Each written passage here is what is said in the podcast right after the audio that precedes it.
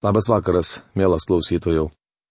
Šiandien mes toliau keliausime Biblijos puslapiais, Naujojų testamentu, nagrinėdami antrą laišką Timotiejui.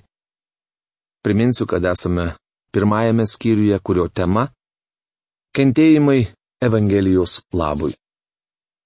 Po maldos mes žiūrėsime temos dalį - Nesigėdyk, bet būk tikras. Dangiškasis tėve, mes dėkojame tau už dar vieną galimybę prisiliesti prie tavęs ir išgirsti tave prabylantį į mūsų širdis. Prašom, kad palaimintum tą laiką ir padėtum kiekvienam iš mūsų išgirsti tavo pamokymą, kad tavo dvasios pripildyti kiekvienas tikintysis galėtume daryti tinkamus pasirinkimus. Meldžiame taip pat ir už žmonės, kurie dar tavęs nepažįsta ir nėra tikri dėl savo išgelbėjimo. Prašom, kad tavo žodis būtų atskleistas jiem ir jie galėtų priimti jį ir būti pamokyti. Pameldžiame Kristaus Jėzaus mūsų viešpaties ir gelbėtojo vardu. Amen. Taigi nesigėdyk, bet būk tikras. Dėl šios priežasties aš ir kenčiu tuos vargus, bet nesigėdiju. Nežinau, kuo įtikėjau ir esu tikras, kad jis gali išlaikyti man patikėtą į turtą iki anos dienos. Antras laiškas Timotiejui, pirmas skyrius, dvylikta eilutė. Kai matome, apaštalas nesigėdijo Evangelijos net kalėjime laukdamas mirties nuosprendžio. Tikriausiai prisimenate, kad laiško romiečiams pirmos skyriaus šešioliktoje eilutėje Paulius rašo. Aš nesigėdiju Evangelijos. Jie juk yra Dievo galybė išgelbėti kiekvienam tikinčiajam. Šio laiško pirmos kiriaus aštuntoje eilutėje apaštalas ragina taip elgtis, tai yra nesigėdyti Evangelijos ir Timotiejų. Reikia pripažinti, kad daugeliui krikščionių stinga ryšto liudyti viešpatį. Kartais mums visiems norisi nutilėti, tačiau neturėtume vadovautis šiuo noru. Jis gali išlaikyti man patikėtą į turtą iki anos dienos. Originalo kalboje čia pavartota žodis užstatas. Tai reiškia, kad Paulius užstatė savo tikėjimą Kristumi iki teismo dienos. Šiuos žodžius galima versti ir kitaip Dievas davė man užstatą. Dėl Dievo užstatytų dovanų, kurios atsiskleidė Pauliaus gyvenime, apaštalas tapo viso pasaulio skolininku. Bičiuli, mes su jumis taip pat esame skolininkai. Galbūt pasakysite, noriu, kad žinotumėte, jog sažiningai moku mokesčius ir visuomet gražinu skolas. Na, mes su jumis nebūsime sažiningai gražinę skolos, kol kiekvienas žemės gyventojas neišgirs Evangelijos. Jis gali išlaikyti man patikėtą į turtą. Gera žinoti, kad mes patys ir visas mūsų turtas yra Dievo rankose. Tai didelė paguoda. Su tikėjimu ir meile Kristuje Jėzuje Laikyk savo taisyklės veikus pamokymus, kuriuos esi iš manęs girdėjęs. Antras laiškas Timotiejui, pirmas skyrius, trylikta eilutė. Frazė sveikus pamokymus Kostas burbulys verčia taip - sveikus žodžius. Šventojo rašto žodžiai yra įkvėpti. Aš tikiu visišku pažodiniu Dievo žodžio įkvėptumu ir nemanau, kad šventą įraštą galima vertinti kitaip. Na, aišku bent jau tai, kad joks kitas požiūris netitinka Biblijos reikalavimų. Sergiai brangų patikėtą į turtą, padedama šventosios dvasios, kuri gyvena mumyse. Antras laiškas Timotiejui, pirmas skyrius, keturiolikta eilutė. Svarbu suprasti, kad krikščioniškai gyventi įmanoma tik šventosios dvasios gale. Septintoje eilutėje apaštalas kalbėjo apie galybę, meilę ir savitvardą. Kaip prisimenate, visa tai yra šventosios dvasios vaisiai. Laiško Galatams penktos skyriaus 22-23 eilutėse apaštalas Paulius rašo. Dvasios vaisius yra meilė, džiaugsmas, ramybė, kantrybė, malonumas, gerumas, ištikimybė, romumas, susivaldymas. Tu žinai, kad nuo manęs nusigrėžė visi esantys Azijoje, tarp jų Figelas ir Hermogenas. Antras laiškas Timotiejui pirmas skyrius, penkiolikta eilutė. Paulius įvardyja tuos, kurie buvo jam neištikimi. Pirmo laiško Timotiejui pirmame skyriuje apaštalas užsiminė, jog kai kurie atkrito nuo tikėjimo. Dabar Paulius sako, jog nuo jo nusigrėžė visi. Tai yra visi dabar esantys Azijoje, kurie anksčiau su juo buvo Romoje. Pabrėžiu tai, nes man regis, kad atsimetimas nuo tikėjimo būdingas ne vien paskutiniam bažnyčios istorijos laikotarpiui. Jis ženklina visą bažnyčios istoriją. Profesorius dėstęs man bažnyčios istoriją sakė, jog tai apostazijas ir erezijų istorija. Turiu pripažinti, kad tai tiesa. Viešpats tebūna gailestingas Onesiforo namams, nes jis dažnai mane stiprindavo ir nesigėdijo mano grandinių, bet atvykęs į Romą, rūpestingai ieškojo manęs ir surado. Viešpats te suteikia jam aną dieną rasti viešpaties pasigailėjimą.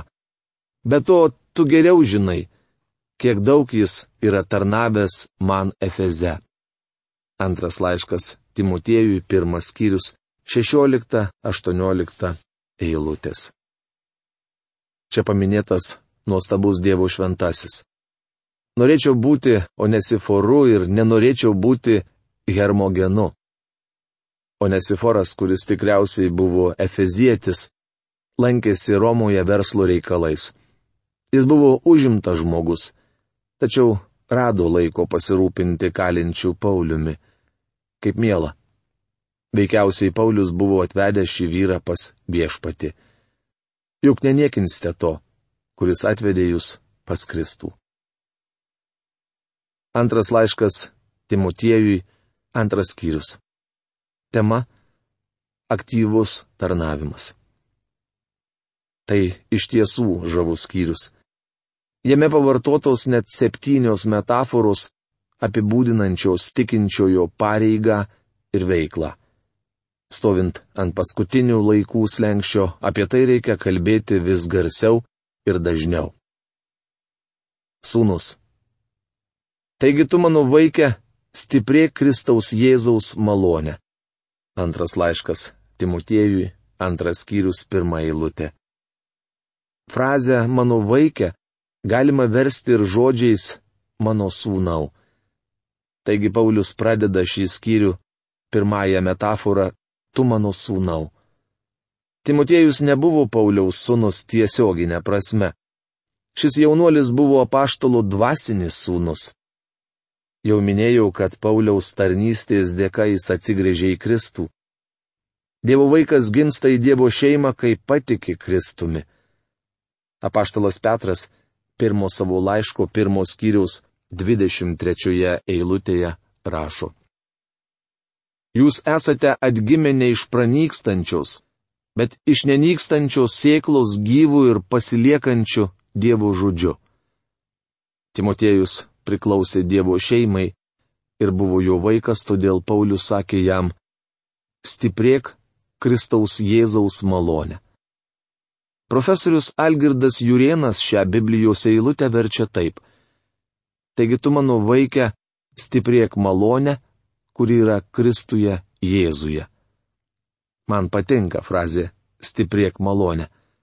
Bičiuliai, jei manote, kad galite tvirtai sukasti dantis ir savo jėgomis gyventi krikščionišką gyvenimą, anksčiau ir vėliau smarkiai nusivilsite. Jei galvojate, jog pakanka įsisavinti kelias taisyklės ar kelias gudrės novatoriškas idėjas, kad taptumėte subrendęs krikščionis, Žinokite, jog jau pakliuvote į klastingas legalizmo žabangas. Nei Pauliaus laiškuose, nei visoje Biblijoje nėra taisyklių, kaip gyventi krikščionišką gyvenimą. Mes esame, jeigu esame, išgelbėti malonę. Ir dabar turime gyventi Dievo malonę bei stiprėti ją. Jums leidus pateiksiu pavyzdį iš savo vaikystės. Mano tėčiui su darbo reikalais dažnai tekdavo išvykti. Jis visuomet palikdavo man nurodymų, kuriais turėdavau vadovautis, kol jo nebus namie. Kai kuriuos iš jų mielai vykdydavau. Pavyzdžiui, turėdavau prikapoti malkų ir darydavau tai su malonumu.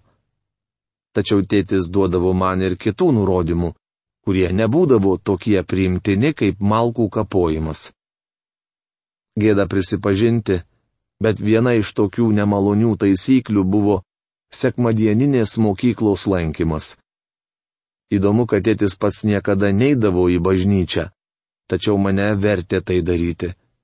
Šiaip ar taip, Kai jis būdavo išvykęs, aš sekmadieninės mokyklos nelankydavau. Kartą, kai sėdėjau prie prūdo ir žvėjojau, tėtis netikėtai sugrįžo. Buvau ką tik ištraukęs iš vandens žuvį, atsigrėžiau ir suakmenėjau.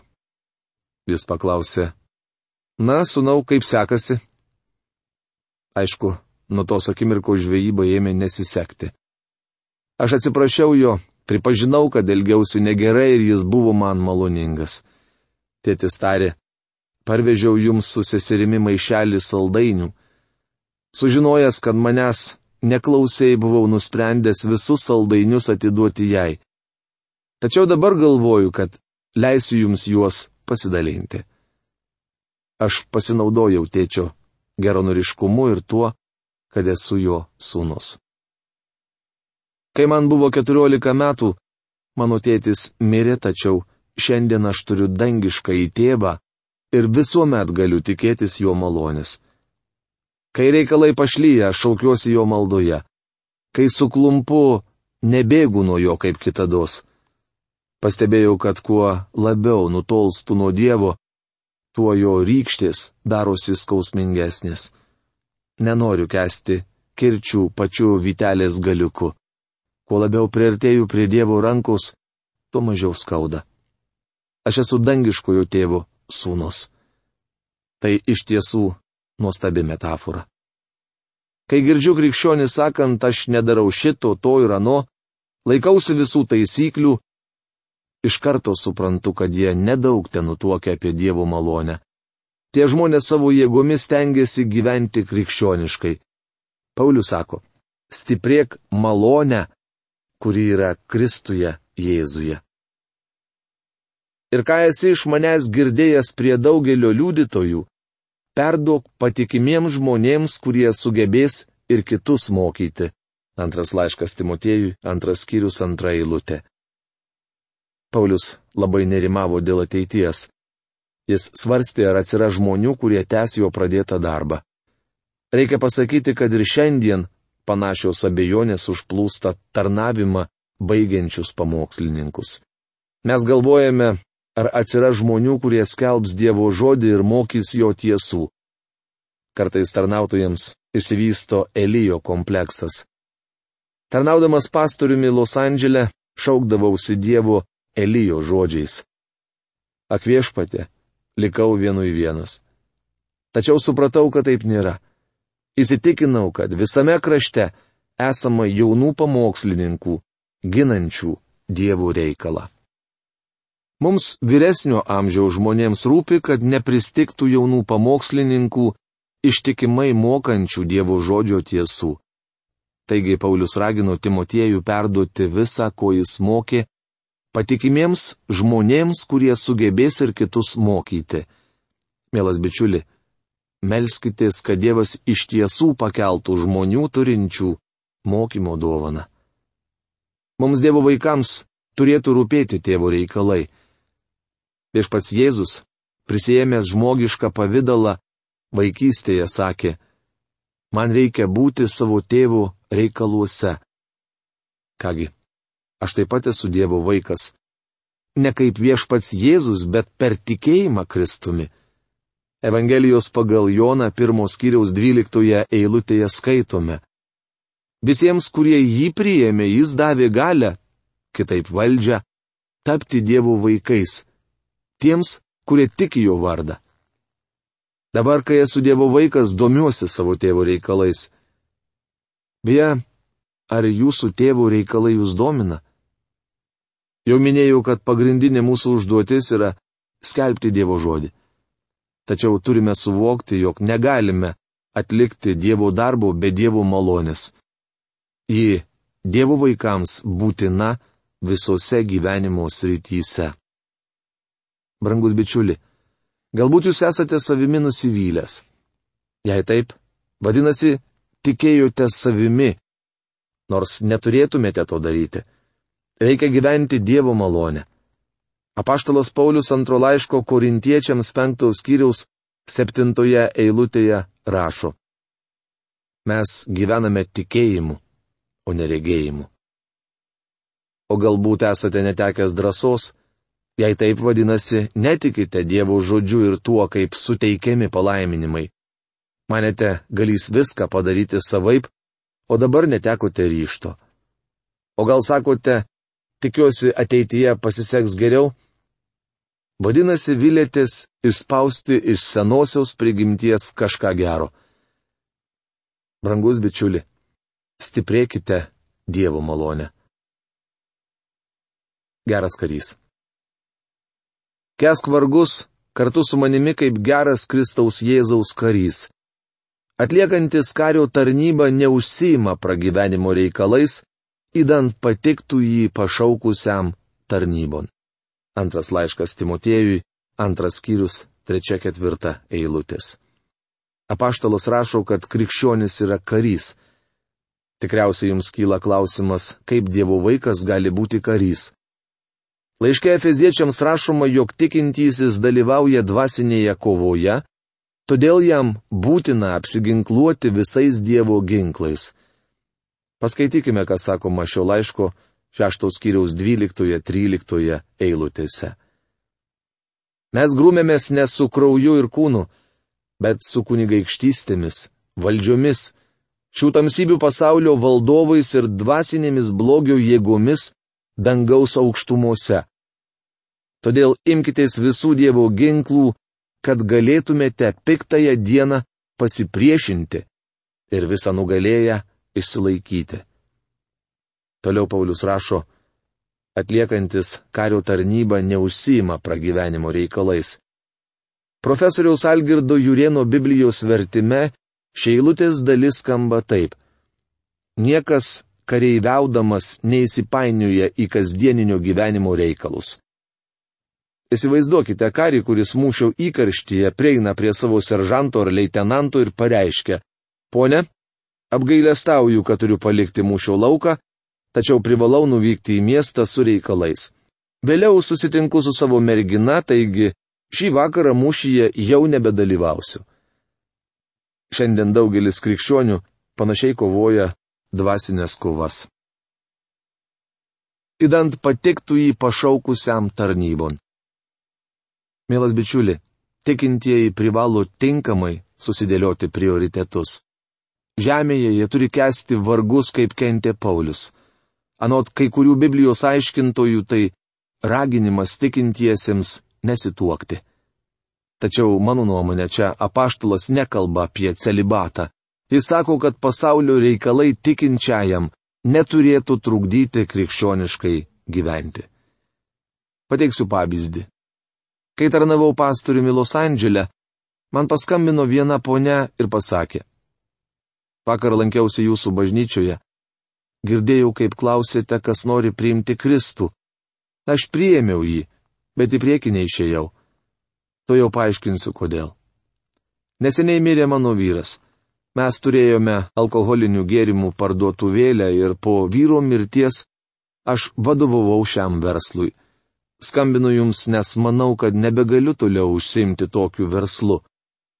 Jei pasakysite pasimti plaktuką ir išdaužyti visus alkoholinių gėrimų butelius, kurių prikrauta mano parduotuvė, padarysiu tai nedvėjodama. Pasakykite man, ką turėčiau daryti. Ką jūs mano vietoje būtumėte pataręs tai poniai? Aš jai atsakiau, kad ji nieko nedaužytų. Sudaužydama keletą butelių ji nesustabdytų alkoholio pramonės. Žinoma, pasakiau, kad jei ji galėtų juos sunaikinti, tai būtų sveikintina žingsnis. Tačiau priekyba alkoholiniais gėrimais ilgus metus buvo vienintelis jos pajamų šaltinis. Patariau jai parduoti parduotuvėlę ir palikti šį verslą. Štai kaip mes galime neusimti šio gyvenimo reikalais. Dievo vaikas turi suvokti, jog yra karys. Be to mums reikia suprasti, kad krikščioniškas gyvenimas nėra žaidimas. Tai kova, kur mūšiai laimimi ir pralaimimi. Brangus bičiuli, dar kartą kartoju, kad vyksta rimta dvasinė kova. Šioje rašto dalyje mes šiandien sustosime ir toliau šį skyrių nagrinėsime jau kitoje mūsų laidoje. Iki greito susitikimo. Sudie.